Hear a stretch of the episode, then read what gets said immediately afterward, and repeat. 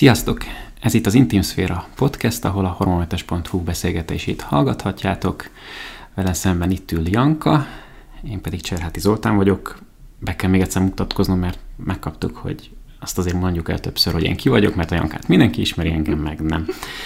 Először is boldog új évet kívánok mindenkinek, talán még nem vagyunk elkésve vele, másodszor pedig nagyon nagy köszönet, köszönjük, hogy hallgattok minket, rengeteg letöltés, rengeteg YouTube-os meghallgatáson vagyunk túl, úgyhogy álmainkban nem gondoltuk, hogy így indulunk, és hogy ennyien fogtok hallgatni minket, és nagyon sok pozitív visszajelzést is kaptunk. Olyannyira meglepett minket, hogy képzeljétek, ugye igazából most a podcast még csak Spotify-on, meg Google Podcast-en van fönt, az Apple Podcast regisztráció az folyamatban. Lehet, hmm. hogy már mire kimegy ez a rész, addigra már meg lesz, majd ezt meglátjuk. Szóval, hogy a Spotify-on a podcastek közül benne vagyunk a top 10 hallgatott podcastben, és én azt hittem, hogy ez csak így nekem dobta föl a Spotify ajánlóban, vagy ilyesmi, de aztán ismerősök is szóltak, hogy tudtátok, hogy Friderikus előtt vagytok, és így mi a fene? Wow! Szóval nagyon szépen köszönjük nektek, ez, ez fantasztikus, és tényleg nem gondoltuk. Tök jó. Hogy vagy, Janka? Azt azért mondjuk el. Igen, beszéltünk erről, hogy talán jó lenne így kezdeni a, a részeket. Ezt ellestem egyébként a párnacsatás lányoktól, mert ott tök jó, hogy beszélnek arról az elején, hogy ki hogy van, és hogy milyen hangulatban ülünk le beszélgetni egy adáshoz. Én most egy picit ilyen furán vagyok, itt kucorgok a kis melegítőmben, és nem tudom, remélem, hogy fogok tudni értelmesen beszélni, mert bár megittem a reggeli kávémat, mégis ilyen kis nyomjnak érzem magam, de persze, mert pont a kedvenc témánkról lesz szó, és ilyenkor mindig ez van. A forró tea hiányzik mellőled. szóval... És te Zoli, mert tőlem megkérdezted, és te hogy vagy? Én, hát köszönöm.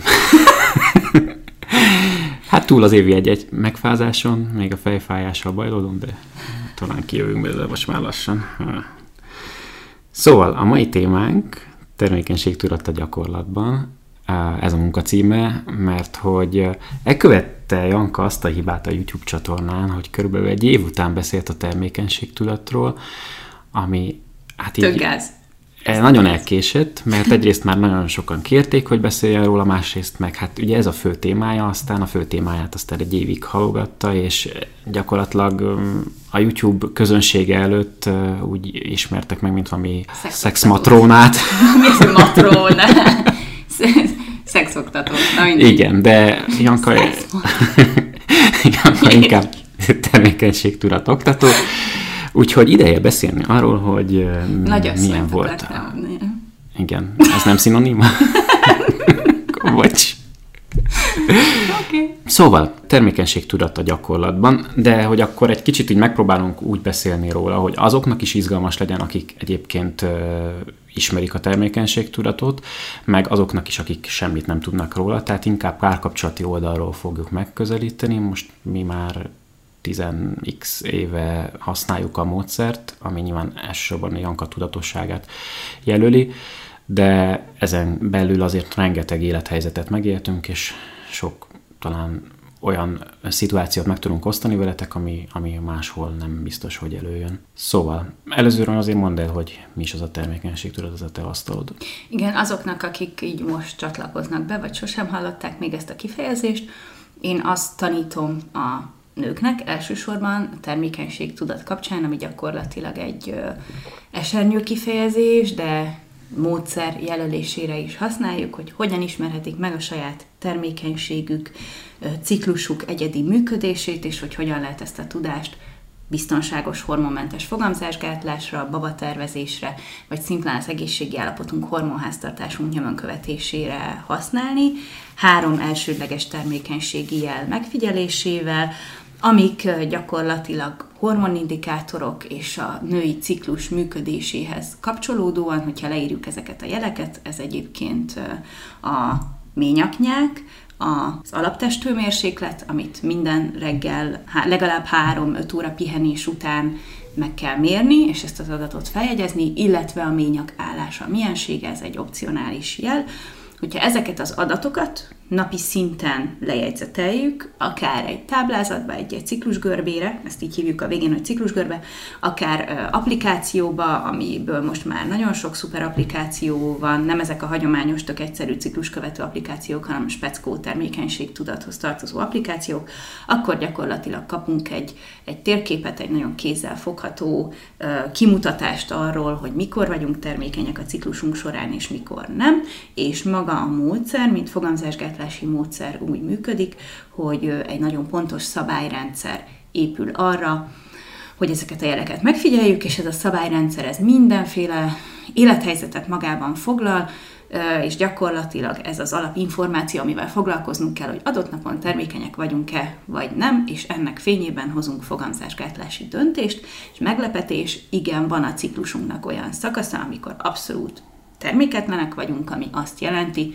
hogy egy megtörtént ovuláció és igazolt ovuláció után gyakorlatilag szabadon lehet szexuális életet élni mindenféle egyéb fogamzásgátló eszköz nélkül. A termékeny időszakban, amit termékenységi ablaknak hívunk, akkor pedig az élethelyzetünknek, fogamzásgátlási elkötelezettségünknek, vagy gyerekvállalási terveinknek megfelelően kell alkalmazkodnunk a helyzethez, és akár vallásunknak, vagy, vagy, vagy szemléletmódunknak megfelelően, hogy mondjuk használunk-e fogamzásgátló eszközt abban az időszakban, vagy az abszinenciát választjuk, vagy éppen, hogyha baba tervezése cél, akkor tudjuk azt, hogy mikor vagyunk a legtermékenyebbek, és mikor fontos együtt lenni ahhoz, hogy, hogy megadjuk az esélyt a fogantatásra. Szóval már így is többet beszéltem róla, mint most így gondoltam, de szerintem dióhéjban ennyit azért el kell mondani arról, hogy pontosan miről is szól ez a módszer. Annyi még fontos, hogy ez, hogy termékenységtudat módszer, ezt igazából így ebben a formában, termékenységtudat kifejezést, ezt én kezdtem el használni Magyarországon 2015-ben talán. Előtte, hogyha rákerestél Google-ben, nem volt ilyen szó, tehát nem találtál semmit arra, hogy termékenységtudat erre a kifejezésre, és ez gyakorlatilag hivatalos nevén ez a módszer, amit én tanítok, ez szintotermális módszer, ami arról szól, hogy a hőmérőzés és a nyákfigyelés és több termékenységi jelet figyelünk meg együtt, illetve az erre épülő szabályrendszer, de maga a termékenység tudat az egyébként egy esernyő kifejezés, angolul Fertility Awareness néven találtok erről sok információt, és a Fertility Awareness Method az a szintotermális módszert akarja és akkor ezt még lehet bonyolítani egy kicsit, mert hogyha meg több eszembe beszélünk róla, hogy, fel, hogy, hogy termékenységtudat módszerek, akkor abban többféle módszer is beletartozik, ami a termékenységi jelek megfigyelését jelenti, mert hogy vannak csak olyan módszerek, amik olyan módszerek, amik csak a nyákot figyelik meg például, de erről majd fogunk egy picit később beszélni a saját utunk kapcsán is. Tehát a lényeg az, hogy ez, hogy termékenységtudat módszer, ez nálam és most már Magyarországon gyakorlatilag a szimptotermális módszert jelenti. Igen, abban maradtunk, hogy erről bővebben nem beszélünk, hogyha beütitek a keresébe azt, hogy termékenységtudat.hu, vagy felmentek a hormonmentes.hu-ra, és ott a blog részben nekiálltok böngészni, akkor rengeteg információt találtok erről illetve hogyha beírjátok a keresébe, akkor is főleg Janka tartalmait fogjátok megtalálni. Az is igaz, hogy most már gyakorlatilag mindenki a termékenység tudat szót használja. Ami Erre ez a kifejezésre, igen, ez menő, illetve be fogjuk linkelni majd a videódat is a podcast rész alá. Ja. Szóval, hogyha bővebben érdeklődtök, akkor megtaláltok erről minden információt, és természetesen a tanfolyamon is ezt tanítom. Így van. A termékenység tanfolyamon. Na, akkor vágjunk bele onnét, hogy mi ez az egész, és honnét jött az életedbe, és honnét tudtál te erről, honnét tudhattál egyáltalán erről, mert amikor mi összeházasodtunk, akkor azért ez még így nem, nem volt így szó közöttünk, mármint mm, fogamzás gátlásként, opcióként nem, nem, nem, jött, nem került szóba rögtön az elején. Abszolút nem, mert egyébként Tudni már tudtam arról, hogy létezik ez a módszer, vagy valami ilyesmi, de nem voltam ezzel teljesen tisztában. Ugye azt fontos tudni, hogy magát a módszert, azt nem én kezdtem el elsőként tanítani Magyarországon, abba a formába online, termékenységtudatként nevezve, kinyitva a világnak, és nem csak egy szűk rétegnek, azt én kezdtem el, de előtte egyházi berkeken belül végül is ez az a módszer, amit elfogad a katolikus egyház, mint egyetlen fogamzásgátlási megoldást, és az egyházon belül TCT-nek, természetes családtervezésnek nevezték ezt a módszert, meg nevezik még most is alapjáraton. És uh, én ugye nagyon konzervatív, meg katolikus közegben nevelkedtem, katolikus gimibe jártam, és nem mondom, hogy igazából ott hallottam erről, mert gyakorlatilag felvilágosításra nem igazán emlékszem nálunk a gimiben, de a lényeg az, hogy én már szedtem tini koromban is igazából, vagy hát tizenéves koromban is fogamzásgátlót, meg ugye volt egy előző pár, illetve kettő, de mindegy, szóval, hogy, hogy a, a második párkapcsolatomban akkor egy darabig szedtem fogamzásgátlót, de csak nagyon rövid Több is volt neki. Ja, Szóval mindegy. De hogy rövid ideig szedtem fogamzásgátlót, és, és már akkor is éreztem, hogy valami nem stimmel vele, és akkor elkezdtem már keresgélni, hogy így mi, mi lehet más, mint a fogamzásgátló, és annyi volt, hogy akkor rábukkantam egy könyvre, ami a Billings módszernek, a Billings módszerről szóló könyv. Ez az eredeti 60 akárhányban íródott könyv, ilyen újabb kiadásban, egyébként most antikváriumban lehet talán megtalálni, akkor is valahonnan rendeltem, nem tudom, és amúgy ez tök menő, ha belegondolok, hogy akkoriban még az, hogy online keresel ilyen témában, és az internet, meg nem tudom, most ha belegondolok, hogy 15, meg nem tudom hány évvel ezelőtt, az nem tartott még ott, hogy azért annyi mindent meg lehessen találni rajta. Szerencsés volt hogy a kezedbe akadt. Igen, igen, valahogy erre rábukkantam. És akkor annyi, hogy megvettem ezt a könyvet, és beleolvastam, aztán tudomásul vettem, de hogy így nem foglalkoztam ezzel a témával különösebben. És akkor ugye, amikor összejöttünk, akkor mi, akkor tök egyértelmű volt, hogy fogamzásgátlót fogok szedni, azt tűnt a legegyszerűbb megoldásnak még mindig, meg Hát az első hónapok után, ugye az első hónapokban óvszert használtunk, aztán hát úgy felpörült az óvszer használat, hogy, hogy inkább abban maradtunk, hogy gyógyszer. Igen, mert persze az volt így kézenfekvő, mint nagyon sok mindenki másnak ez volt a kézenfekvő, vagy általában ez a kézenfekvő. És akkor egy csomó ideig el is voltunk ezzel közben. Összeházasodtunk, aztán, ja, hogyha ez bárkit érdekel, tehát igen, mi nagyon korán házasodtunk össze. Mert igen, az a csomó idő azért nem volt olyan sok, mert mi hát másfél év után összeházasodtunk, igen. szóval körülbelül olyan két és fél év volt, három. Igen. És még csak 22 éves voltam. 23. Úristen. Ja, durva. Zoli meg 25. Igen. Na, szóval ezért lehetünk 10x éve házasok már. Szóval az a helyzet, hogy aztán eltelt, nem tudom, jó egy év, kettő, és akkor kezdtem el érezni azt. Előtte is már voltak ilyen dolgok, mellékhatások, de hogy így nem tudtam még azt a fogamzásgátlóhoz kötni akkor. És erről is egyébként van egy tök hosszú videóm, amiben elmondom, hogy miért tettem le a fogamzásgátlót, de hogy a lényeg az, hogy egyre több mellékhatást tapasztaltam magamon. Állandó migrénes fejfájást, állandó hüvei fertőzést, nehezen kaptam levegőt időről időre, és volt Hát meg pánik. a libidód is Ja, lib- tényleg. Az volt így, amit betette a kaput egyébként, de így nem volt libidó, így nullára csökkent, és akkor így néztünk egymásra, hogy most akkor mi a fene van. Egymással van a bajunk, vagy... Sokat beszélgettünk. Igen, de tényleg. Hát és akkor voltak pánikrohamaim is. Én tisztán emlékszem egy olyan alkalomra, amikor a ú, az a jó sötét albérlet volt még akkor, amiben laktunk. És akkor így álltam ott a, ami volt egy ilyen galéria rész, és nem tudom, így lent álltam a galéria alatt, és akkor így sírtam, és mondtam, hogy így valami nagyon nem stimmel velem, szerintem valami nagyon nagy bajom van. És akkor ott ölelgettél, és akkor még nem tudtam, hogy ez a fogamzásgátlóhoz köthető.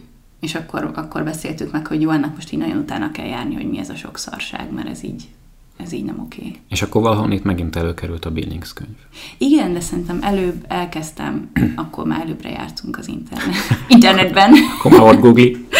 és így elkezdtem keresgélni, hogy, hogy, hogy mi, és, és valahogy valahogy összekötöttem a dolgokat, hogy akkor ez így mind a fogamzásgátló. Mert az, hogy elolvasod a betegtájékoztatót, és akkor ott a mellékhatások listáját, az egy dolog, az még így nem áll össze, hanem, hanem valamelyik tünet kapcsán jött az, hogy mindig földobót, földobta a rendszer, hogy fogamzásgátló, fogamzásgátló, és akkor elkezdtem gyanakodni. És akkor így jött az, hogy oké, okay, akkor, akkor valószínűleg ez okoz mindent. És akkor egyébként volt egy köröm a nőgyógyászomhoz, akivel beszéltem róla, hogy lehet ez mindettől, és egyébként ő így viszonylag nyitott volt így természetes dolgokra is, egy idősebb, idősebb pasi volt, de ilyen nagyon normális, és akkor ő mondta, hogy, hogy, hogy hát igen, igen, lehetséges. Ez pedig ő a leggyengébbet írta föl nekem, de hogy, hogy ha, ha szeretném abba hagyni, akkor azt érzem, hogy ezek a tünetek ettől vannak, akkor nyugodtan hagyjam abba, és akkor nézem meg, hogy,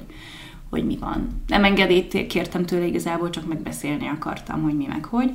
És akkor igazából ő is azt mondta, hogy igen, igen, ez így lehet nagyjából. És mondjuk annyi volt, hogy amikor kérdeztem tőle, hogy oké, okay, és akkor helyette mit, akkor az ószeren kívül sem mondott igazából mást és, és gyakorlatilag innen indult a kutatás, hogy de akkor mit. Igen, és akkor ott voltunk, hát körülbelül egy másfél éve voltunk házasok. Azt azért mondjuk el, hogy mi az elején nem akartunk gyereket, hát persze, tehát a legelején, és hát utána még nem is jött mm, egy másfél évig, és igazából hát megpróbáltuk óvszerrel, vagyis hát ott az elején Mm, ismét offszert használtunk, de aztán... Felelőtlenek ugye, voltunk nagyon. Igen.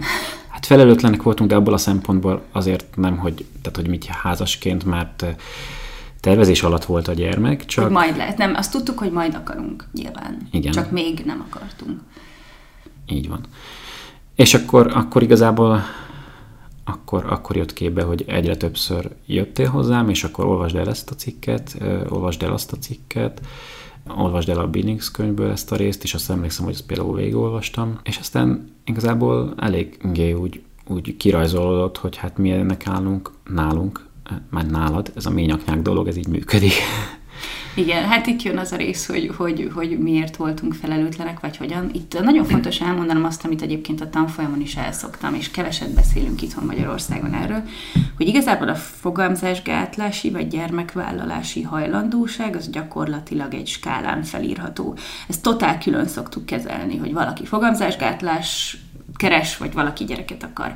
De igazából ezt, hogyha összekötjük egy, egy skálában, és az egyik pont az, hogy mindenképpen szeretnék babát, és aktívan próbálkozunk, és mindent megtennénk érte, hogy legyen baba. A másik véglet pedig az, hogy soha nem szeretnék gyereket, egyáltalán nem mindent megteszek azért, hogy ne legyen, és hogyha becsúszna, akkor is mindent megtennék érte, hogy ne legyen. E között a kettő között rengeteg variáció van. Van az a variáció tényleg, hogy hogy aktívan védekezünk, de ha becsúszna, akkor megtartanánk. Aktívan védekezünk, de semmi körülmények között nem fér bele gyerek, vagy még egy gyerek. Van az, amikor, amiben mi voltunk akkor, hogy fiatal házasok voltunk, nem voltak ideálisak a körülményeink, de, de pontosan tudtuk azt, hogy szeretnénk nem is egy gyereket, hanem többet, és, és nyilván az volt, hogy ha bármi történne, ha, ha becsúszna egy baba, akkor is jók lennénk, és nagyon örülnénk neki. Tehát ez egy ilyen félállapot volt. Valahol nem akartuk, de nem is bántuk volna meg, hogyha becsúszik. Ezt, ezt tök fontos itt elmondani, mert ebből érthető az, hogy mi az, amikor azt mondom, hogy felelőtlenül kezeltük az elején. Tehát a lényeg az, hogy hogy, té- hogy rájöttünk erre, hogy fú, ez a ményaknyák dolog, ez akkor tök jó, mert hogy a ményaknyák az jelzi azt, hogy mikor vagy termékeny időszakban, és gyakorlatilag, hogyha már nincs a termékeny csúcstípusú ményaknyák, akkor amilyen tojásfehéri és nyúlós, és itt ezt megint azért mondom el, hogyha valaki most szembesül ezzel először, akkor hát lesz egy ilyen nagy aha élménye, hogy amit gyakran hüvelyfolyásként emlegetünk, az a szervezetünknek egy nagyon fontos jelzése, az elsődleges termékenységi jelzése gyakorlatilag, mert az ösztrogén szint növekedésre reagál a női szervezetben, ami azt jelenti, hogy közeledünk az ovuláció felé. Tehát, hogyha valaha tapasztaltál olyat, és valószínűleg tapasztalod ciklusról ciklusra, és nagyon sokan ezt betegségként fogják fel, vagy van egy ilyen betegségtudatuk, vagy sokszor sajnos még orvosnál is azt mondják, hogy fú, hát sok a folyás, kéne rászedni valamit, kúpot, vagy tablettát, vagy bármit. Közben pedig ez egy iszonyú fontos funkciója a szervezetünknek, hogy a termékeny időszakban ményaknyákot termelünk, aminek az állaga a tejszerűtől, a testápolószerűen krémes állaktól egészen a tojásfehérje, és tényleg úgy nyúlik, mint a tojásfehérje, vagy ilyen nagyon vizes állagig terjedhet. Ez azt jelzi, hogy a szervezetünk termékeny időszakban van. Az már a finom hangolás része, hogy nem feltétlenül jelenti azt, hogy megtörtént az ovuláció, de hogy erről most, ebben most így nem megyek bele. De a lényeg az, hogy erre is lehet módszert építeni, és a Billings módszer az erről szól, amit a Billings házaspár dolgozott ki a 60-as években, és én azt mondom, hogy ez egyébként a szintotermális módszernek az egyik előfutára, vagy én azt gondolom, hogy egy picit lebutítottabb verziója, mert hogy önmagában a nyák az nem is kevés, de nem is fel, na mindegy. Szóval, hogy a lényeg, hogy nyilván, hogyha még adatokat raksz mellé, akkor sokkal biztonságosabb lesz a módszer amit az elején nem mondtam el, az az, hogy egyébként a szintotermális módszer az fönt van a WHO-nak az oldalán is, mint fogamzásgátlási megoldás, és a Pearl Indexe az 2 kötőjel 0,4, ami azt jelenti, hogy megegyezik a fogamzásgátló tablettákéval, szóval nagyon-nagyon biztonságos módszer, pont, erről igazából nem érdemes vitatkozni, mert ez így van, még akkor is, hogyha nagyon sokan keverik a naptármódszerrel, vagy bármivel az egyik legnagyobb ilyen fogamzásgátlási kutatás kapcsolódik hozzá, mármint a szintotermális módszerhez, mert 17 ezer ciklust vizsgáltak, nem is tudom hány ezer párt jelent ez abban a kutatásban, amiben kijött ez a Pearl Index, ami a módszer biztonságosságát jelöli. És ott jött ki az, hogy um, annak fényében, hogy milyen fogamzásgátlási megoldást választanak a párok a termékeny időszakban, voltak, akik az abszolút önmegtartóztatást választották, akkor 0,4 lett a Pearl Index, hogyha uh, pedig valamilyen barriereszközt, ami ószer, pesszárium, tehát helyileg uh, használható fogamzásgátló eszköz, akkor pedig 0,6, ami még szintén a gyógyszernek a tartományába tartozik. Úgyhogy ilyen adatokról beszélünk, ilyen számokról beszélünk, ezzel nem érdemes vitatkozni vitatkozni, hogy ez hülyeség, vagy nem hülyeség, mert ez így van. Oké, okay, pont visszatérve a ményaknyákra, és azért mondom ez picit ilyen passzív-agresszíven, mert nyilván nekem az elmúlt x évben ez volt a legnagyobb küzdelmem, amióta beszélek a termékenység tudatról, illetve most már azt gondolom, hogy most már tök sok infó van róla, és elfogadják, és értik, és tudják, és a Semmelweisen is tartottam előadást orvostanhallgatónak, meg minden, szóval most már nagyon előre alattunk ebben a témában, de azért akkor is fontos elmondani, Zoli nagyon vigyorog, mert tudja, hogy belelendültem megint. Hölgyeim és uraim, Cserháti Herold Jankát hallhatták. Na jó, szóval, hogy ahogy mi kezdtük el használni akkoriban, a ményaknyákkal kapcsolatos fogamzásgátlási részt, azt senkinek nem ajánlanám, és nem csinálnám úgy most már, mert ez egy tök felelőtlen dolog volt. Igazából a módszer attól, lett, attól lesz módszer, hogy a követett pontosan azt, hogy le van írva, hogy hogyan kell lejegyzetelni napról napra, hogy mit kell figyelni. Én meg nagyjából annyit csináltam, hogy ha most van termékeny nyák, oké, akkor most kell védekezni, és akkor így eltelt egy-két-három nap, így de eltelt már két nap, de akkor már nem kell védekezni. De hogy ez nem így működik. Ez a tehát, hogy ez nem... felelőtlen dolog igazából azért abból a szempontból fejlődőképes volt, hogy mi erről egymás között viszont folyamatosan kommunikáltunk, tehát hogy így folyamatosan beszéltük, és akkor így miután túl volt a menstruáción Janka, akkor utána mindig kérdezgettem, hm, érzed már a nyákat, és akkor így nyilván akkor jobban figyeltünk. Most nyilván az is a figyelemhez tartozott, hogy megszakítás vagy nem megszakítás, óvszer vagy nem óvszer, tehát amikor azért nagyon rizikosnak érezte a Janka, akkor például sokszor megbeszéltük, hogy most óvszer használunk. Aztán, ahogy, ahogy elmúlt az ovuláció, úgy, úgy egyre bátrabbak lettünk, és aztán utána meg így gondolkoztunk, hogy most meg fog jönni, mert már ideje van, vagy nem.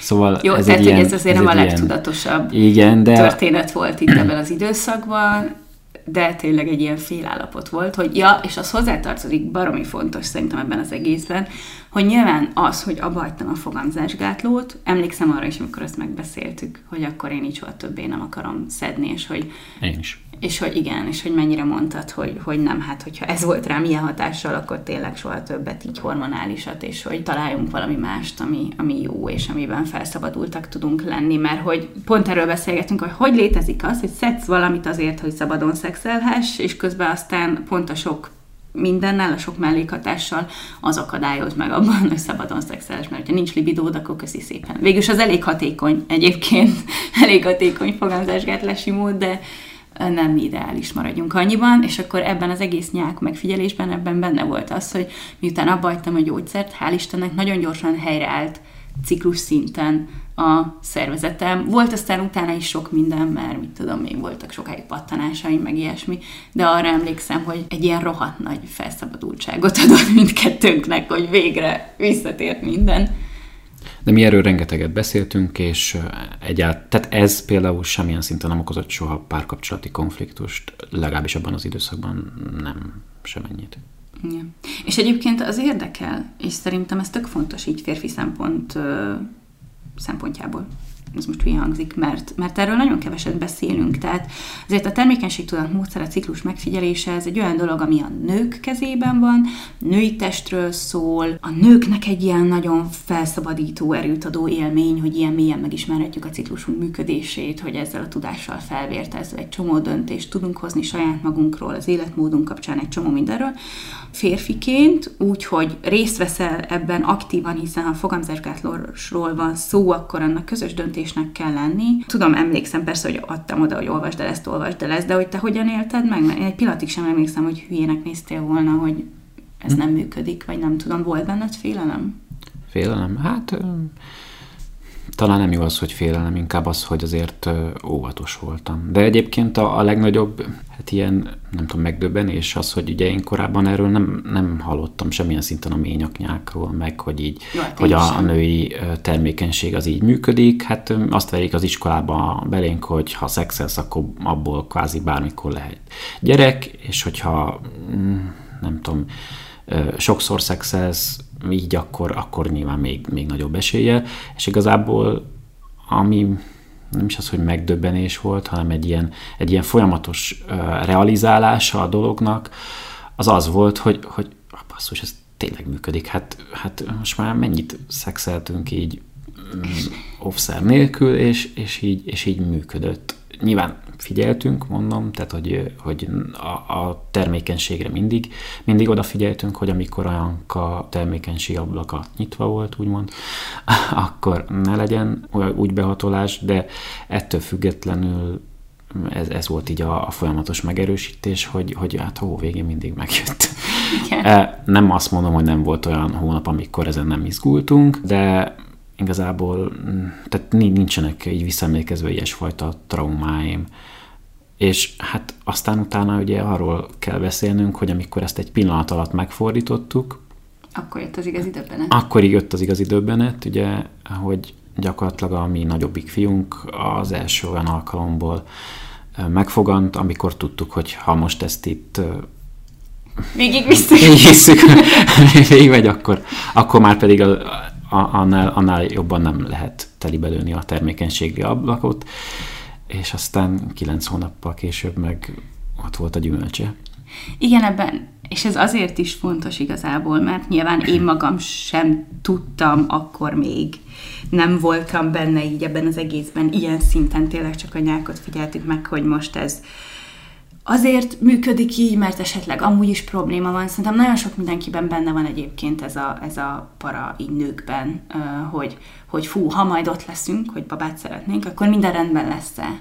Hogy amúgy képes vagyok-e arra, hogy megfogadjak, amúgy képes vagyok-e arra, hogy kihordjak egy babát? Ez igaz, viszont azt tegyük hozzá, hogy nálunk családilag semmi indokoltsága nem volt a felmenő között, tehát hogy azért erre, erre alapvetően nem gyanakodtunk. Persze ez tény, de, de nyilván ez most ettől függetlenül egyre több termék, tehát egyre többször találkozunk termékenységi problémával, nagyon sokan szenvednek egytől, és most teljesen mindegy, hogy nincsenek családi indokoltsága mondjuk, vagy, vagy halmozottsága, vagy bármi, attól még simán lehet, hogy valakinél van egy rejtett, nem tudom, IRPCOS kombináció, aztán nem sikerült. Tehát, hogy nagyon-nagyon sok minden lehet a háttérben, vagy a férfinél, vagy a nőnél, ami miatt nem sikerül, és azért is fontos ezt megemlíteni, mert egyébként akik nem ismerik annyira a módszert, vagy kritizálni akarják, ott sokszor van egy olyan kritika, vagy legalábbis én, amikor az elején blogcikeket írtam, meg mit tudom, én sokszor találkoztam ezzel, hogy azt írtam, persze, csak azért működik, mert biztosan úgy is probléma van, és akkor majd amikor babát terveznek, majd akkor biztos kiderül, hogy nem is lehet, és akkor csak azért működik a módszer. Na hát most erre mi nagyon jó bizonyíték vagyunk, hogy még olyan hevenyészet módon is, ahogy ezt a legnagyobb fiunk előtt használtuk, és azért ott egy, az volt egy év, nem? Több mint egy év. Több mint egy év volt, amíg csak ennyit csináltam, hogy így figyelgettem, hogy most van, van nyák, vagy nincs nyák, teljesen jól működött, nem estem teherbe, és amikor először mondtuk azt, hogy most jöjjön, ha jönni akar, akkor igen. És egyébként az ilyen óriási időbenet is volt. Tehát, hogy én tudom, hogy mennyi mindenki szenved terbeesési nehézségekkel, de hogy egyébként ez is elég nagy para tud lenni, hogyha meg tudod azt, hogy ennyire, ennyire rögtön sikerül, hogyha egyszer is hibázol, úgymond, vagy nem tudom. Nálunk tervezett volt, de hogy a későbbiekre nézve ezen azért elgondolkoztunk, hogy hűha, akkor gyakorlatilag gyakorlatilag nekünk tényleg nagyon oda kell figyelni. Ez egy olyan volt, mint egy ilyen, mint hogy egy felgyújtottak van egy lámpát a fejünk föl, fölött egyébként, nem? Hogy így, hú, akkor ez, ez, ez elég jól működik, tényleg. Így van. Majd mindjárt beszélünk a rendszer meghekkeléséről, és hogy, hogy igazából ekkor már tudtuk, hogy, hogy tényleg mennyire működik, és gyakorlatilag ezután már azért nagyon, nagyon tudatosan, meg nagyon odafigyelve bántunk ezzel az egésszel. És akkor itt az a fontos következő lépés, hogy, hogy utána viszont tudtuk azt, hogy szeretnénk kistesót hamar, és utána ugye ezért, és itt beszélünk a skáláról, hogy utána nyilván nem is foglalkoztunk a, a védekezéssel a kisfiunk születése után, sőt inkább az volt, hogy na, mikor fog már végre megjönni, vagy mikor lehet már majd aktívan próbálkozni, mert hogy szeretnénk kistesót viszonylag, tehát hogy így minél előbb alapvetően. És hát ez a dolog ez olyan jól sikerült, hogy ugye azt, azt fontos tudni, most ebben nem akarok nagyon részletesen belemenni, de hogy nyilván a szülés után, a szoptatás alatt, a szoptatás mértékétől függően, meg szoptatástól függően, ugye van, akinél nagyon későn tér vissza a ciklus, a szoptatás alatt nem jelenti azt, hogy nem lehet terbesni a szoptatás alatt, hiszen én is egyébként így estem terbe, a második kisfiunkkal, de, de egy ilyen csökkent termékenység van gyakorlatilag, ugye addig, amíg meg nem jön, addig gyakorlatilag úgy gondoljuk, hogy nem vagyunk termékenyek, na hát ezt, ahogy meg lehet hekkelni, az az, hogyha az ember elcsípi az első ovulációt, ami még az első menstruáció alatt jelentkezik alapvetően.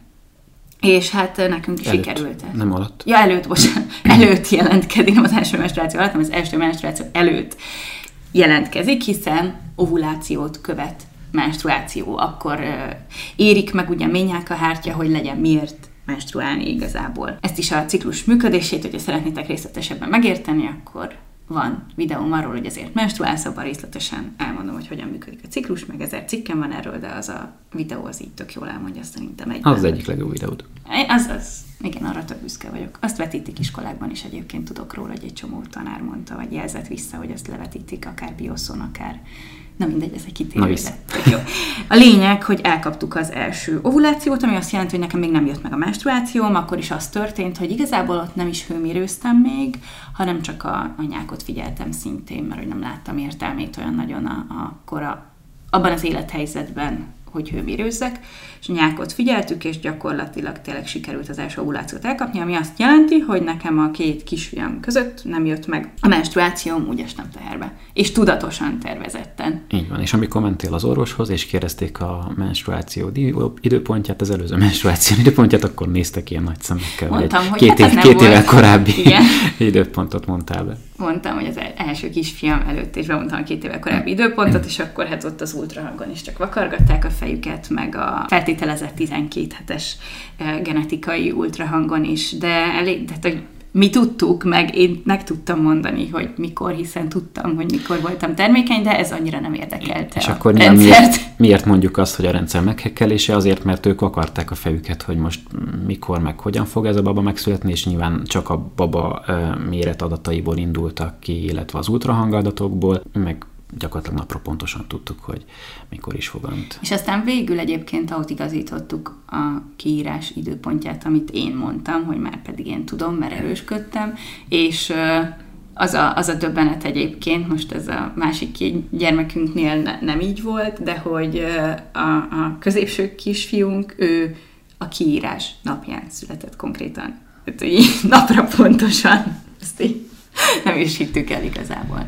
Jó, tehát nem számít egyébként napra pontosan nyilván, mert a, de a lényeg, hogy nem volt semmi elcsúszás abban, ahhoz képest, amit mi mondtunk, tehát két hét előre-hátra, vagy egy hónap, vagy nem tudom, így a számolásban, hanem teljesen pontosan tudtuk. Így van, és akkor ezután jött a kézifék. Nos igen, itt kezdődik az érdekes rész, és itt kezdődik gyakorlatilag a hormonmentes története is, mert megszületett a második kisfiunk, és ott viszont azt éreztük, hogy oké, okay, szeretnénk majd valamikor harmadikat valószínűleg, de most biztos, hogy kell időt adni magunknak. Nekem is, a szervezetemnek is, és, és minden, minden módon, tehát az élethelyzetünk miatt is, meg, meg minden miatt. És akkor hirtelen nagyon fontos lett a fogamzásgátlás újra az életünkben, és sokkal komolyabban, mint addig bármikor szerintem. Igen, mert ugye az volt a helyzet, hogy volt két gyerek. Egy 40 tud... négyzetméteres kis lakás. Igen, és mit tudtunk még azt, hogy egy, ezt most egy ideig nem jöhet újabb gyerek, tehát biztosan kizárt. A másik dolog, amit pedig tudtunk azt, hogy te gyógyszert nem fogsz szedni még egyszer, mert nem akarjuk, hogy, hogy agyilag, testileg bárhogyan tönkre menjél. Főleg úgy nem, hogy két kisgyerek mellett amúgy is elég könnyű, szóval mind a kettő, tehát szellemileg meg, meg testileg is amortizálódni. Úgyhogy erre legalább igyekeztünk figyelni, hogy, hogy ez ne következzen be, és akkor jött egy nagy kutatómunka, meg, meg egy, hát egy, egy odafigyelés arra, hogy, hogy akkor ezt tudatosabb irányba, hogy, hogy tudjuk elvinni.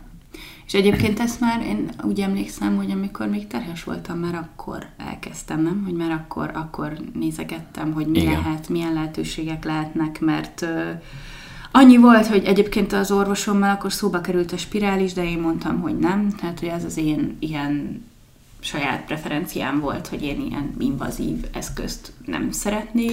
Ami... És itt el kell mondom azt, hogy tehát, hogy ehhez azért ismerni kell Jankas személyiségét, és a hallgatók nem biztos, hogy ismernek, hogy ha Janka a fejébe vesz valamit, akkor, illetve rá ezt nem tudom jobban mondani, rá, rá, rá, rákattan egy témára, akkor, akkor gyakorlatilag az élete szabad kapacitásának 90%-át az a téma fogja kitenni, úgyhogy a Rami Janka nagyon-nagyon-nagyon beleásta magát ott a szabad idejében ebbe a dologba. Igen, erről hmm. is már beszéltem sokat máshol, de tényleg ez volt, hogy egyszerűen nem hittem el, hogy most tényleg azon kívül nincsen opció, hogy fogamzásgátló tabletta, spirál, valamilyen formája hormonmentes vagy hormonális és óvszer.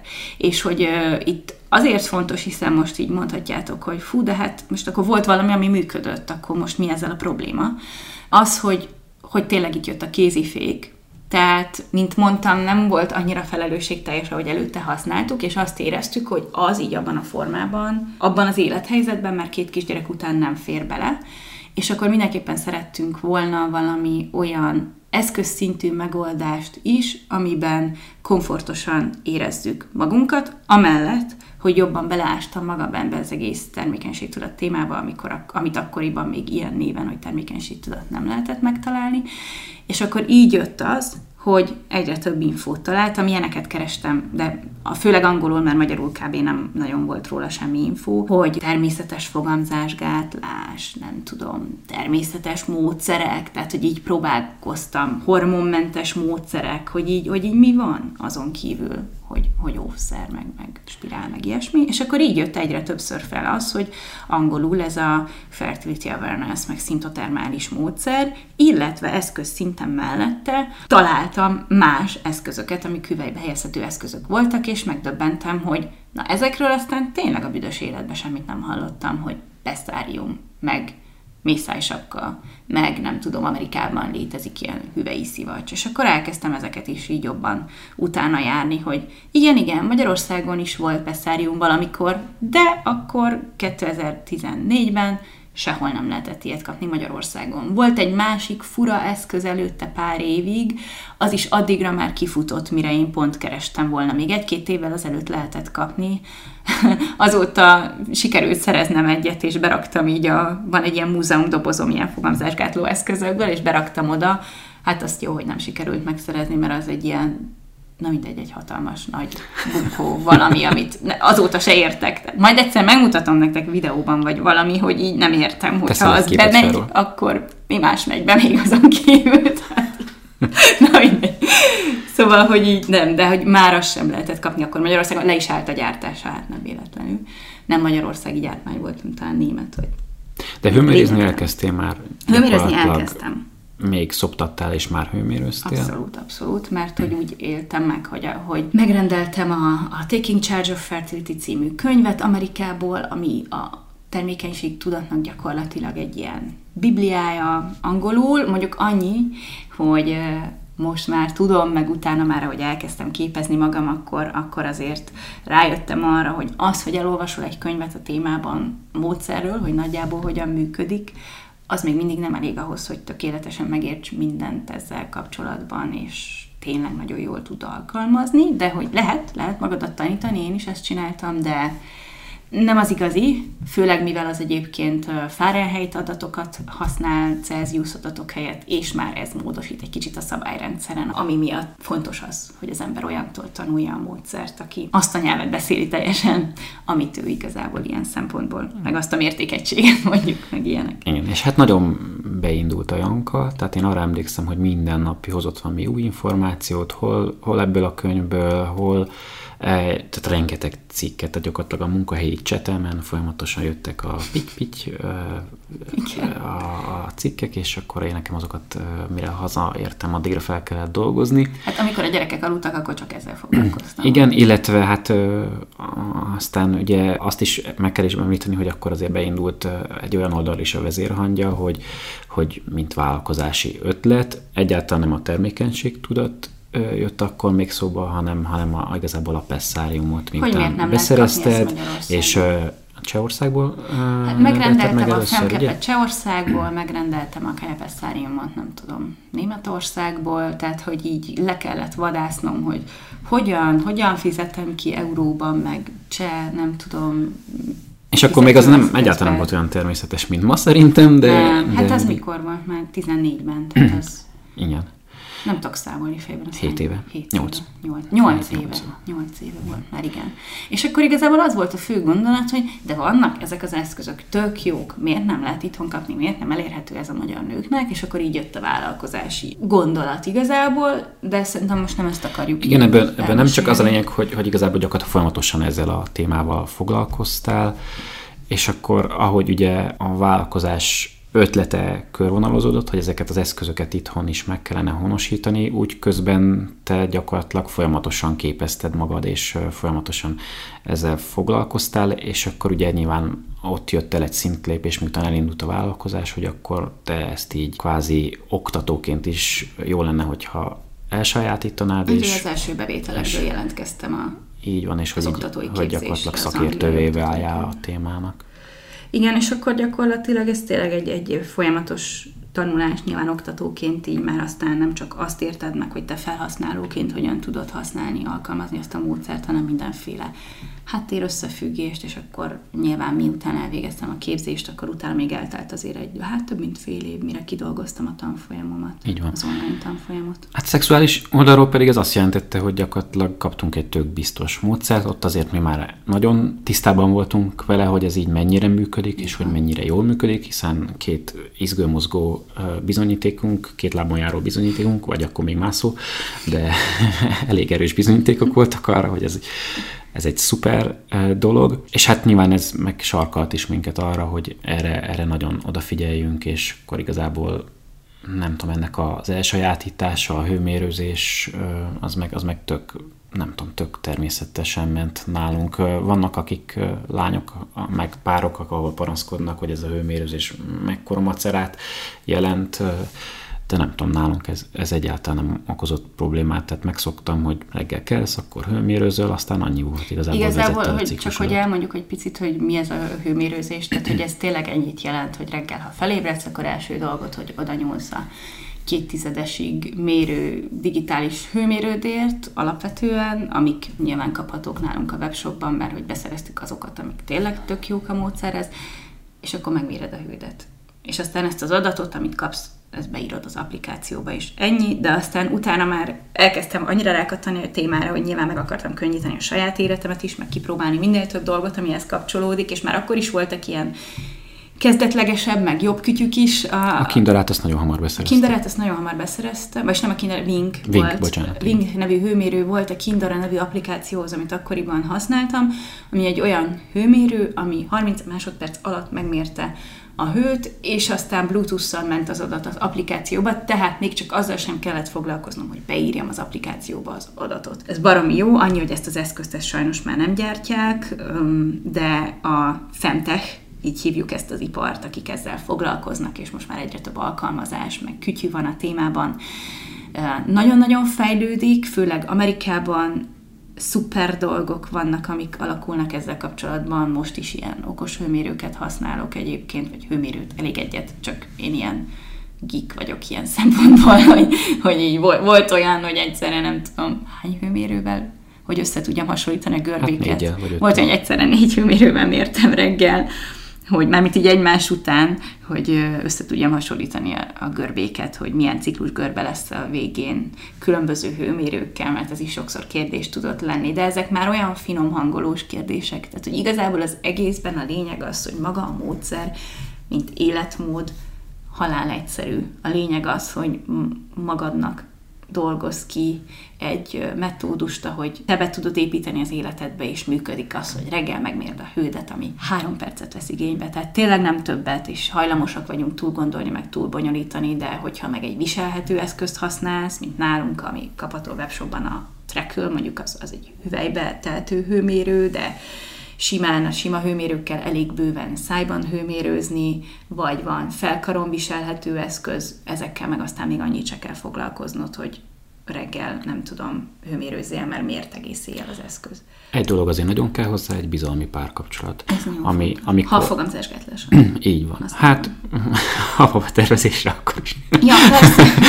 Nem, nem, nem. Úgy értettem, hogy nagyon sok nő végzi el ugye a tanfolyamat, vagy tanulja meg úgy a módszert, hogy önmagáért, a ciklusa megismeréséért, és hogy igazából szerintem a legtöbb kérdés, vagy a legfontosabb, vagy legtöbb kockázat úgy van a, a termékenységtudat módszer, a szimptotermelés módszer alkalmazásánál, hogyha a fogamzásgátlásra használ. Ez így van. Mert ott két emberről szól, már ott egy párkapcsolatról szól, és, és tanfolyamon egy külön lecke szól arról, hogy hogyan, hogyan tudod szépen apránként meggyőzni magadat a másik felet, hogy mikor érezheted magad biztonságban, hogy hogyan bizonyosodhattok meg róla, hogy tényleg működik a módszer. De az egy sarkalatos pont, dolog. hogy a férfinek mi a viszonyulása a kezdeti lépéseknél ehhez. Azt gondolom, ez mindenképp azért fontos kijelentenünk. Hogyha nincs egy támogatás, akkor érdemes ezt az egészet úgy megközelíteni, hogy, hogy nem, nem elkezdeni a módszert, hanem egyszerűen csak így az információkat megosztani folyamatosan, és nyilván erről beszélni sokat eleinte.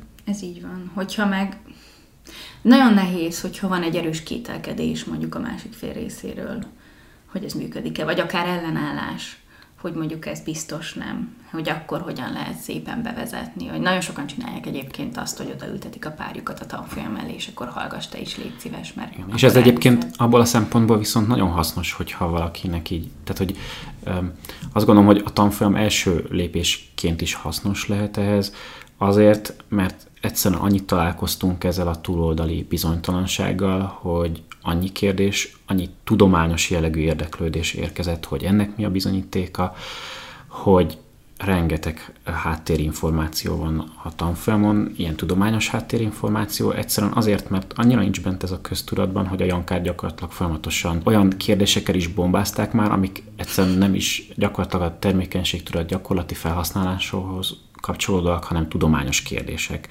akár kutatásmódszertani kérdések. Tehát ebből a szempontból azért a Janka tanfolyama nagyon meg van dolgoztatva.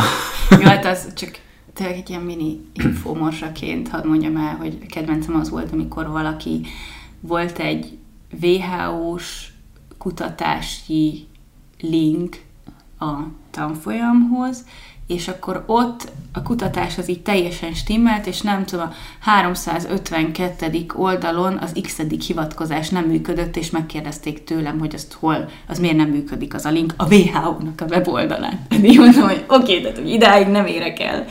Bár bár még olyan szinten kapcsolódunk is ahhoz, hogy észrevettünk az egyik nagy orvosi ilyen módszertani kézikönyvben egy hibát, amit aztán jeleztünk a... Ezt is a WHO adta ki. Azt is a WHO adta ki, és amit jeleztünk a német partnerünknek, a Martin Kesselnek, aki a pesszáriumot, a kajpesszáriumot gyártja, és rajta keresztül a Maggie Kilburn Brook, aki a pesszáriumnak a kifejlett, a kajpesszáriumnak az egyik kifejlesztője, egy nagy nemzetközi kutatóintézetnél, ők aztán visszajeleztek a WHO-nak, szóval igazából még ez is megtörtént, hogy nagyon sok lépésen keresztül, de jeleztünk valamit, amit aztán majd a következő, még nem, de majd a következő orvosi kézikönyvükben kiadványukban megváltoztatnak, szóval A Pessa, azért egyébként a Pesszári hatékonyságát írták el, tök nyilvánvalóan, mert egyébként a, a kézikönyvben, de egy, egy ponton az egyik táblázatban elírták, és ez nyilván nekünk tök kellemetlen volt. Ennyi. Ja, ez csak ilyen fun fact, de hogy még ez is megtörtént, de, de na, de azért nincsen mindenre hatásunk. Igazából szerintem az nagyon érdekes még, hogy hány élethelyzetben használtuk mi ezt a módszert, mert ugye azt már elmondtuk, hogy hogy ilyen hevenyészet fogamzásgátlásra, nagyon szigorú fogamzásgátlásra, babatervezésre, de hogy például, ami egy résztéma, de de a szoptatás alatt hogyan lehet ezt fogamzásgátlásra használni, tehát hogy akkor is tud működni, de nyilván amikor az ember arra gondol, hogy vagy és ezt mondjuk el, hogy az Instán feltettem kérdésként, hogy mi van olyan mhm. kérdés esetleg, ami ezzel kapcsolatban, így a gyakorlati alkalmazással kapcsolatban megfogalmazódik abban, aki mondjuk még nem ismeri a módszert, vagy nem végezte el a tanfolyamot.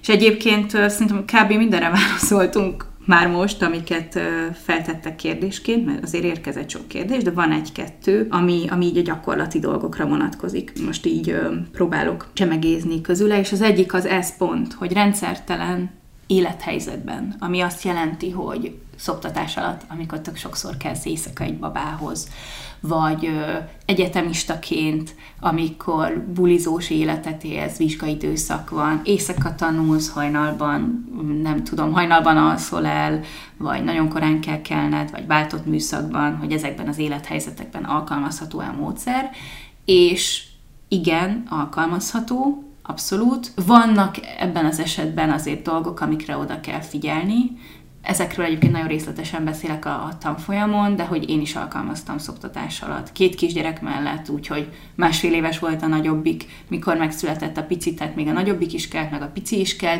és itt egyébként szintén tök fontos, hogy ki van az ember mellett, meg hogyan, mert hogy mondjuk nálunk alap volt az, hogy te hoztad ö, ö, oda a hőmérőt, mondjuk, hogyha elfelejtettem, vagy te keltél föl reggel, a kisebbiket áthozni. Protip, ha gyerek van a családban, akkor a hőmérők elhelyezésére nagyon vigyázni kell.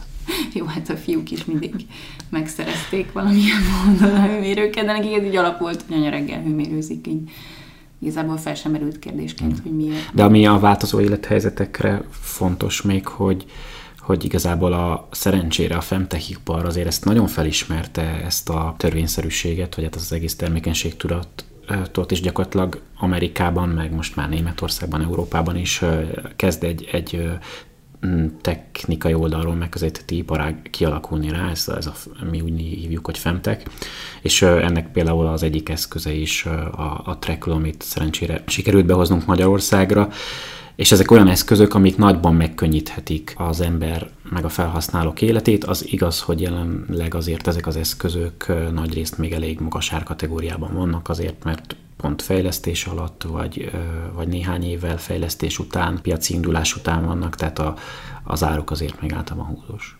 Ez így van, de hogyha visszaosztod arra, hogy, hogy ez egy életmód, ja, és hogy mennyiben könnyíti meg az életedet, akkor azt mondom, hogy, hogy megérheti, hogyha olyan Meg csak nem biztos, van. hogy mondjuk nyitásként rögtön mindenbe bele kell ruházni. Ja, persze, abszolút nem. Tehát, hogy így, az a jó egyébként, hogy magához a módszerhez tökéletesen elég az, hogyha valaki elvégzi a tanfolyamot, oké, annak van egy ára, de hogy az egy olyan tudás, amit aztán életed végéig magaddal viszel, ez, ez egészen biztos, és ezen kívül meg kell hozzá egy hőmérő, amiből jó a 5000 forintos is, és kész, tehát hogy ezt nem kell túl bonyolítani, meg a meg applikáció, ami vagy ingyenes, vagy nem tudom, van pár száz forintért is, aminek pár száz forint a díja egy évre.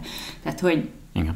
Ennyi. És akkor, hogyha még a hasznoknál tartunk, és nyilván, hogyha már erről van szó, akkor szerintem azt is említsük meg, hogyha hosszú évek óta követed a ciklusodat, nem is kell hosszú évek, de, de hogyha húzamosabb ideje követed a ciklusodat, akkor a, a, ha tudatos megfigyelő vagy, akkor a tested kapcsán nagyon sok törvényszerűséget megfigyelhetsz, amit azt jelenti, hogy nem, nem feltétlenül mondjuk csak a fogamzásgátlás meg a babatervezés kapcsán, meg vonatkozásában van új információt, hanem mondjuk választ kaphatsz arra, hogyha jelölöd mondjuk a, a migrényeidet, hogy mondjuk ovulációs időszakban jellemző, vagy hogy, vagy hogy a hangulatváltozásaid miként alakulnak. Ezek ilyen apróságok, de olyanok, amik, amik mondjuk a, az életben, hogyha erről párkapcsolaton belül sokat beszéltek, akkor tök jól megért értheted a másiknak a működését, és egy, elfogadóbb, hát mondhatni talán még, hogy szeretetteljesebb viszonyt is segítenek. Én nagyon sok olyan előnye van, ami ilyen pozitív mellékhatás így tényleg párkapcsolatra, hogy amikor tudod, hogy mikor van olyan reggelem, hogy mindenki esik a kezemből, meg bénázok, meg nem tudom. Máskor meg így, nem, amikor főzőcskéztem, nagyon szép idő volt, mondtam, vannak olyan napok, amikor minden úgy megy, mint a karikacsapás, és akkor mondtad, hogy hát hogy folikuláris fázisban vagy, ilyenkor persze ez így. Hát meg mondjuk vannak olyan dolgok is, hogyha mondjuk közeli nyaralást terveztek, akkor mondjuk lehet úgy igazítani az időpontot. Például. Hogy jó legyen. Igen. Amit itt kérdeztek még, és szerintem az egy tök jó kérdés a férfi oldallal kapcsolatban, hogy a kisfiúkat hogyan lehet okosan termékenység tudatra nevelni. Ez, ez, volt kérdés. Okosan. És ugye nekem két kisfiunk van, és azt azért tudni kell, hogy beszélgetünk nagyon sokat előttük is, nagyon sok mindenről, és akkor a nagyobbik mondta, hogy jaj, mindig csak a termékenység tudat. Igen. Nekik ez ismerős. Meg a marketing. Meg a marketing. Meg a konferenciás tengeren túl. Igen. Tényleg volt olyan is. Hogy lehet okosan? Hát szerintem ebben is fontos az, hogy legyen egyfajta párbeszéd folyamatosan otthon erről, tehát hogyha hall erről a gyermek, akkor ez egy jó alap. De hát a mi, mi gyermekeink még nagyon kicsik, viszont ami szerintem egy nagyon jó hát meg... 7 és 9 évesek. Hát, de úgy ahhoz, hogy ez nyíltan beszéljünk mindenről, ahhoz Persze. még azért kicsik. Erről, Viszont... hogy termékenység tudat. Így, szó szerint, erről így nem. Nem. Mert, mert ez még nem nekik való ebben a formában, hanem a testtel kapcsolatos nyitottság, ami Így van. Tehát, fontos. hogy, hogy tudják, hogy az, hogy hőmérőzés, az, azt csinálja anya, meg, meg hogy tudja, hogy tehát sok dolgot tudnak. Amit én, én így nagyon tehát így, így nem gondoltam volna így, mielőtt szülő lettem, hogy, hogy ez egy ilyen baromi hasznos eszköz, azok a természetfilmek. Mert hogyha a természetfilmet nézel sok a gyerekekkel, és a mi gyerekeink imádják a természetfilmeket, akkor egy idő után eh, kikerülhetetlen az a kérdés, hogy hogy pároznak az állatok, mit csinálnak, és most nyilván ezt nem vezeted át rögtön a, az emberre, mint ahogy ők, ők se vezetik át rögtön ja, az emberre. Tegnap pont a izéről beszéltünk, hogy hogyan lesz a magból a növény, és hogy az alma, meg hogy, de hogy hogyan megy át egyik virágról a másikra a por és miecskék. Tudom, ez ilyen klasszik, de hogy tényleg erről beszélgettünk tegnap, hogy, hogy ezt így hogy. Így van, tehát hogy nem, nem rakja össze a képből a, a gyerek ebből azt rögtön, hogy most a, az emberi szaporodás miként működik, meg hogyan, viszont azt tuti, hogy amikor majd oda jutok, akkor nem fogja azt gondolni, hogy a gyereket csak úgy a gólya hozza, vagy, vagy nem tudom, hogy így ha, ha szerelemből, attól még, hogy egymásra néztek két szép szemmel, attól még nem lesz gyerek. Tehát, hogy ezekből szerintem nagyon, ez egy tök jó alap arra, hogy, hogy ebből mini információkat csepegtes, és így, így szépen jeleznek ki, például a menstruációról már nagyon korán lehet viszont velük Abszolút. beszélni, és ezekre például nagyon jó eszközök vannak, akár már a mi webshopunkban is. A menstrupédiára gondolok. Például a menstrupédia könyv, de az már picit nagyobb korról, ugye azt is ilyen 8-9 éves kortól ajánlják, és nálunk is azt már a nagyobbikunk olvasta és érdeklődött, és nagyon tetszik neki. Ami szerintem fontos ezzel kapcsolatban, és egyébként ez egy újabb mellékhatása a termékenység tudatmódszernek, hogyha te szülőként... Hát azt mondtad, hogy mellékhatás, mert... Pozitív mellékhatás. Igen? A te szülőként ennyire tudatos vagy már a saját testedre, másik testére, nem tudom, így a, a testtel kapcsolatos dolgokra, akkor sokkal-sokkal könnyebb velük is beszélni. Felül tudod írni a saját rossz mintáidat is, tehát megérted, hogy a tested hogyan működik, hogy ez mennyi összefüggést rejt, akkor valószínűleg, és ez nagyon-nagyon gyakori visszajelzés ugye a tanfolyammal kapcsolatban, hogy mennyire jó, hogy én már majd a kislányommal másképp fogok tudni, vagy a kisfiammal, vagy tehát, hogy a gyerekemmel én már másképp fogok tudni beszélni erről. Mert lehetnek nagyon rossz mintáink, annyi, hogy nem beszéltek velünk róla, vagy kevés információt kaptunk, vagy csak azt, hogy menstruálsz el kell viselni. Tehát hogy egy csomó olyan rossz mintánk lehet, és sajnos ez a mi generációnkra szerintem még tökre jellemző, hogy mondjuk nem tudom, a, a szüleink még nem tudtak olyan nyíltan beszélni ezekről a dolgokról, és talán nálunk elkezdődik ez a változás, és mi majd másképp tudunk. De ehhez kell ez, hogy mi is a saját testünk kapcsán tudatosabbak legyünk, és ebben is nagyon-nagyon sokat ad a módszer. Még a mi történetünkhöz annyi, mert ugye eddig csak a fiúkról beszéltünk, meg hogy ők gyorsan így jöttek egymás után, de hogy az is fontos, hogy gyakorlatilag ugye a második kisfiunk születése után hat éven keresztül újra fogamzásgátlásra használtuk a módszert, aztán most másfél éve megszületett a, a kislányunk. Tehát, hogy itt meg már egy sokkal hosszabb időszak az, amikor tényleg csak fogamzásgátlásra alkalmaztuk, és aztán újra baba tervezésre. Így van. Aztán most megint. Fogamzásgátlásra. Igen, ez szerintem azért fontos erről is beszélni, hogy lássátok azt, hogy nyilván tíz év alatt így mindenféle élethelyzeten túl van az ember. Olyan időszakon, amikor hátam közepére nem kívántem az egészet. Tehát volt most olyan élethelyzet is egyébként a gyermekágyas időszakban, meg utána, nem tudom, pár héten, hónapon keresztül, amikor annyira nem ezen volt a fókusz, és annyira nem érdekelt meggyulladás mellett, meg... Meg a lehető legbiztonságosabb fogamzásgátlási módszert használtuk. Igen, mert... Ez a no sex. Nulla, nulla volt nyilván a libidó, amit tök totál természetes, meg teljesen nyilvánvaló. Csak hogy akkor így nem stresszeltem magam azzal, hogy hőmérőzzek, vagy bármi. Akkor kezdtem el újra hőmérőzni, meg foglalkozni így Hát nem ciklusgörbével, mert ugye amikor még nem jön meg az embernek a menstruációja, akkor még nem tudsz konkrét ciklusgörbét csinálni igazából, mert napi szinten nincsen annyira olyan info, amit le lehetne jegyezni, hogyha nincsenek hormonális változások, nincsen a nyákban változás hogy addig igazából fölöslegesnek is láttam végül is hőmérőzni, és akkor igazából azután kezdtem el. Hát nyilván te tudod, és azért most már így 8 év tapasztalat, vagy nem is tudom hány év tapasztalat találhatod mögött, hogy most így mi a, mik azok a jelek, amikre érdemes figyelni. Így van, és akkor csak akkor kezdtünk el ezzel foglalkozni újra, meg akkor kezdtem el vezetni újra, amikor már láttam azt, hogy hogy, nagy, hogy meg fog jönni. Ha már jelek, akkor azt beolvasod azt a kérdést a, uh-huh. a jelekről? Igen, volt egy ilyen kérdés, ami szerintem tök jó egyébként, mert rávilágít egy ilyen alapvető dologra, ami felvetődik azokban, akik nem csinálják a módszert, vagy nem ismerik még annyira, hogy mi van, ha elfelejtem megmérni, megvizsgálni magam, és úgy szexelünk. Mennyire biztonságos? Hát egy módszer, az nem így működik, hogy adott napon mi történik, akkor mi lesz hanem összefüggéseiben kell nézni a nagy képet. Ez az, amit nagyon komplexen megtanítok a tanfolyamon, onnantól kezdve, hogy hogyan működik a ciklusod, annak a megértése, és ehhez képest, hogyha egy adott napon nem vizsgálod meg magad, vagy elfelejtesz hőmérőzni, akkor mi történik. És igazából ez abszolút attól függ, hogy a ciklusod melyik szakaszában van, attól függ, hogy mi a cél. Most nyilván, hogyha egy fogamzásgátlás, vagy egy biztos fogamzásgátlás a cél, akkor mindig dönthetsz úgy, hogy alkalmazol valami más fogamzásgátlási módszert, hogyha éppen bizonytalan vagy abban, hogy most mi történik a ciklusodban, akkor használsz ószert vagy beszáriumot, kombinálod ezeket mondjuk megszakítással. Tehát, hogy nagyon sok opció van igazából. És hogyha mondjuk a ciklusod olyan szakaszában felejtesz el hőmérőzni, vagy nem hőmérőzöl, amikor már tudod, hogy megvolt az igazolt ovuláció, és teljesen terméketlen szakaszban vagy a ciklus során, ez az igazolt ovulációtól a következő menstruációig, akkor teljesen mindegy, hogy most aznap megnézted a nyákodat, vagy mérted a hődet, vagy nem, mert tudod, hogy teljesen biztonságos időszakban vagy ilyen szempontból. És egyébként nagyon vicces, mert ezt a kérdést, ezt föltették 16-ban voltam a, hú, mi annak a műsornak a címe, az MTV-n, amikor az A38-as hajón beszélget, nek mindegy ilyen fiataloknak szóló esti műsor, és akkor ott volt egy ilyen öt perces kis interjú a, a termékenységtudatról, és a, a srác, a műsorvezető srác így nagyon nem volt képben. Pedig előtte tök sokat beszélgettem a szerkesztővel, és tök sok jó kérdést tett föl, és a srác mégis föltette ezt a kérdést, hogy és akkor ezt hogy kell elképzelni, hogy így találkozol valakivel, akarsz feküdni vele, és akkor előtte gyorsan beszaladsz a mosdóba, hogy megvizsgáld a nyákodat, meg gyorsan hőmérőzöl egyet, és így nyilván nem.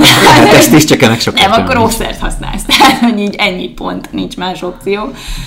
Mint a, hogy tabletta mellett se érdemes ugye mindenkivel fűvel, fával lefeküdni, mert hát oké. Okay, lehet. Hát lehet, kell, csak, hát igen, tehát hogy a Ja. Igen, egyébként ez egy tök fontos dolog, hogy a szimptotermelés módszernél, termékenységtudat módszereknél mindig elmondják nagyon hangosan és hangsúlyozva, hogy, hogy nem véd a nemi úton terjedő betegségek Igen. ellen. Mert ugyanez igaz a fogamzásgátlóra is, meg a spirára is. Az óvszeren kívül ezt mindenre rá lehet írni, és el is Igen. kell mondani, meg tök fontos. Csak hogy ne csak az egyik módszernél mondjuk. Hát ez alapvetően párkapcsolatban működik azért így. Igen, hát hagyban. fogamzásgátlásként, igen. igen. Módszerként, úgy, hogy úgy megfigyeled másod. magad, úgy bárkinek, bármikor, tök jó fogamzásgátlásra azért igen stabil, tartós párkapcsolatban inkább így fogalmaznék, hogy, hogy az a fontos. Amikor igazából ez onnantól működik, amikor már annyira megbízol a másikban, amikortól a fogamzásgátló tablettát is elkezdenéd alkalmazni. Uh-huh. Tehát ez tőlünk nyugatabbra már tökre megvan, hogy mondjuk úgy mennek bele egy párkapcsolatba, hogy egy tisztasági papírral, hogy akkor mielőtt feliratom a fogamzásgátlót, és mondjuk elkezdünk óvszer nélkül szexelni, ja, akkor elmegyünk, kivizsgáltatjuk magunkat, egyikünknek sincsen semmilyen nem úton terjedő betegsége, mindketten tiszták vagyunk, tök jó, akkor most innentől szexelhetünk ószán nélkül a megfelelő védekezés mellett, és ez szerintem egy tök jó dolog. Hm. Csak ez, nem tudom, ugye itthon annyi stigma veszi körül ezt az egész témát, hogy ez még lehet egy külön téma, mert például dr. Tamási Bélával beszélgettem erről, ő a, az STD központnak a helyettes vezetője volt akkor, amikor videót csináltam vele nemi úton terjedő betegségekről, de majd, ha esetleg hallgat minket, akkor ezt tekintse meghívásnak, hogy majd itt is szeretnék még beszélgetni vele. Jó, szóval, hogy, hogy ez a fontos ezzel kapcsolatban, hogy ez nem úgy néz ki. Adott napon az érdekes, hogy adott napon eldöntöd azt, hogy ma termékeny vagyok, vagy nem, a jelekből ítélve. Hogyha ezt az információt nem tudod eldönteni, a jelekből ítélve, mert bizonytalan vagy benne, bár hogyha módszert ismered, akkor nem vagy bizonytalan benne, általában akkor viszont úgy szexelsz, hogy védekezel valamilyen más módon. Ez ennyire egyszerű. Igen. Ezt nem kell túl bonyolítani. Meg talán, tehát az elmúlt egy órából talán az világos, hogy a, az, hogy mit használsz és hogyan használod, az több szempontnak a kérdése is, és ezért igazából nem, nem érdekesek azok a kérdések, mert legtöbbször talán ezt kapja meg a Janka, vagy így másznak bele az életébe, hogy ő mit használ, és hogy ő, ő miként csinálja, és ez nem, abból a szempontból nem fontos, hogy ő adott élethelyzetben adott szempontok szerint használja a módszert, és nem az a fontos, hogy ő mivel védekezik aktuálisan, hanem az a fontos, hogy neked mi lesz a komfortos benne. Abszolút. Ez, ez így van. Tehát egyéni élethelyzetek vannak, egyéni megoldások vannak. A módszer az ad egy nagyon szuper keretrendszert, és önmagában egy fogamzásgátlási módszerként tekinthető, de attól függően, hogy te mit akarsz, hogyan akarod, attól függően kombinálod Igen. mással, vagy nem kombinálod mással. És ebből a szempontból tök lényegtelen, hogy az oktatód mit használ. Mit használ mondjuk ha védekezik, mit használ úgy egyébként. Tehát, hogy így ez így, ez nem, nem, nem fontos, mert lehet, hogy a, mondjuk a, a pesszárium neki kényelmes, de mondjuk másnak meg a mészásapka az, ami jó. Lehet, hogy van, akinek ilyenkor csak az óvszerűhet, szóval lehet, hogy van, akinek semmi. Igen, és szerintem az a része viszont fontos, és abban nagyon sokat segítek a tanfolyamon is, meg ahogy most is beszélgetünk erről, hogy azt el tudom mondani, és el is mondom, hogy mi hány élethelyzetben voltunk, mi hány élethelyzetben használtuk ezt, és hogy az fontos, hogy nekem minden élethelyzetre van saját személyes tapasztalatom, és tapasztalatból tudok tanácsot adni. Meg hogy milyen opciók vannak. Igen. Tehát, hogy kinek milyen lehetőségek vannak, mert erről viszont rengeteget beszélsz. Így van. Meg az, hogy, hogy saját tapasztalatból tudok beszélni arról, hogy szoptatás mellett uh, hogyan érdemes, mit érdemes. Tehát, hogy nagyon-nagyon sok ilyen dolog van bulizós időszak mellett, egy stresszes időszak mellett, mert azért 10 plusz év alatt nagyon sok mindent megél az ember, úgyhogy ez viszont egy fontos aspektus a dolognak. Ami felszokott még merülni egyébként, és ez csak így a rendszertelenséghez, itt volt egy ilyen kérdés, hogy rendszertelen ciklusok esetén mi a helyzet, de egyébként erről, erről abszolút van szó a tanfolyami oldalon is, meg mindenhol, hogy rendszertelen ciklusok esetén is fantasztikus eszköz a termékenységtudatmódszer, mert rájössz arra, hogy nem is rendszertelenek a ciklusaid, vagy rájössz arra, hogy mikor mi történik a ciklusodban. PCOS esetén például kifejezetten ajánlott, mert egy 40-60-100 napos ciklusnál is tudni fogod azt, hogyha csinálod a módszert, hogyha figyeled a jeleket, hogy most változás van a testemben, most valószínűleg ovulálni fogok, most megtörtént az ovuláció, meg fog jönni a menstruáció, tehát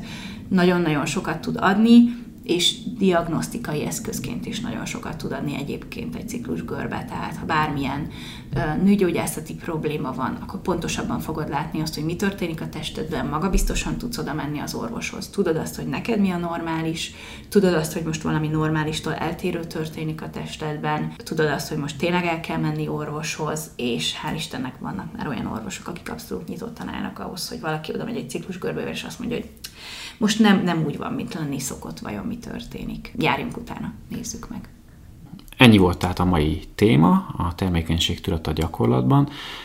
amit még fontosnak tartunk még egyszer elmondani, hogy akkor a termékenységtudat.hu meg a hormonmentes blogon e, rengeteg információ van még. Hormonmentes.hu per tanfolyamunk, ott megtaláltuk mindent. Így van. Ott van a két tanfolyamunk, e, ami, ami ehhez kapcsolódik. Illetve van a Jankának egy zárt csoportja is, zárt Facebook csoportja, ez a gyengét fogalmazásgátlás és termékenységtudat, ilyen névre Bonyolult neve van, hallgat. Igen. Itt sok olyan felhasználó van, aki már termékenységtudat mellett él, és hogyha esetleg gyakorlati információkra van még vagytok még kíváncsiak, vagy hogy egyáltalán milyen kérdések érdeklik a, az ezzel élőket, akkor oda érdemes lehet csatlakozni, csak hogy a csoport... Az... Annyi fontos, hogy van három belépő kérdés, a zárt csoportnál ilyen szűrőként ezeket mindenképpen meg kell válaszolni, és elfogadni a csoportnak a szabályzatát, mert az adminok csak ezután tudnak beengedni titeket a csoportba. És, ja, és bocsánat, csak nőknek nyitott ez a csoport. Elnézést kérünk az érdeklődő férfiaktól, de ez egy csak női csoport. Igen, arra még nem volt igény, hogy termékenységtudatos férfi csoportot létrehozunk. Amúgy lehet, hogy annak lenne értelme, ki tudja. Ami még fontos lehet, hogy az online termékenységtudat tanfolyamom, azért hangsúlyozom, hogy online, mert ez kérdés szokott lenni, hogy mikor, hol, szóval ez egy teljesen online tanfolyam, ami 8 hétig tart, heti három leckével. Nem kell egy helyen lennünk, saját ütemedben is tudsz haladni, visszanézheted bármeddig a leckéket, stb. stb. Erről minden infót megtaláltok az oldalon. Szóval ez az online tanfolyam, az online termékenységtudat tanfolyam, ez negyed évente indul, és most itt január elején indul ö, éppen a következő tanfolyam, szóval a hormonmentes.hu per tanfolyamok oldalon ránézhettek, és ott tudtok is jelentkezni, hogyha érdekel titeket a téma, illetve amikor éppen nincsen jelentkezési időszak, mert már elindult egy tanfolyam, akkor pedig föl tudtok iratkozni értesítésre, és akkor küldünk értesítést, amikor indul a következő tanfolyam. Így van, általában január, április, június és szeptember szokott lenni a, az indulási időpont. Kb. Kb. Így de ez van. ilyen nem teljesen kövevésed, de nagyjából így. Így van. Néha, néha lazák vagyunk. Na hát nagyon szépen köszönjük, hogy velünk voltatok. Tudom, hogy ez egy kicsit ilyen speciálisabb, meg szakmai rész volt, de tényleg nem akartam elkövetni azt a hibát, hogy most nem beszélek a termékenységtudatról, nem tudom, megint egy évig, vagy másfél évig, mert hogy amúgy meg tök sokan érdeklődtetek, hogy erről mikor beszélünk a podcasten. Úgyhogy még csak most indult a podcastünk, úgyhogy köszönöm szépen nektek.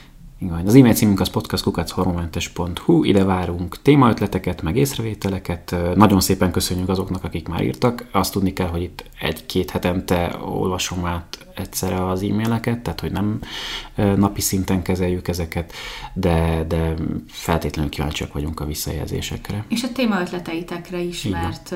Nagyon... Jöttek tök jók. Aha, és nagyon sok mindent tervezünk, úgyhogy és nagyjából erre a két hetente uh, időpontra szeretnénk ráállni a podcasttel kapcsolatban is. Igen, és az elköszönés. Köszönjük, hogy itt voltatok velünk, és maradjatok kíváncsiak. Sziasztok! Sziasztok!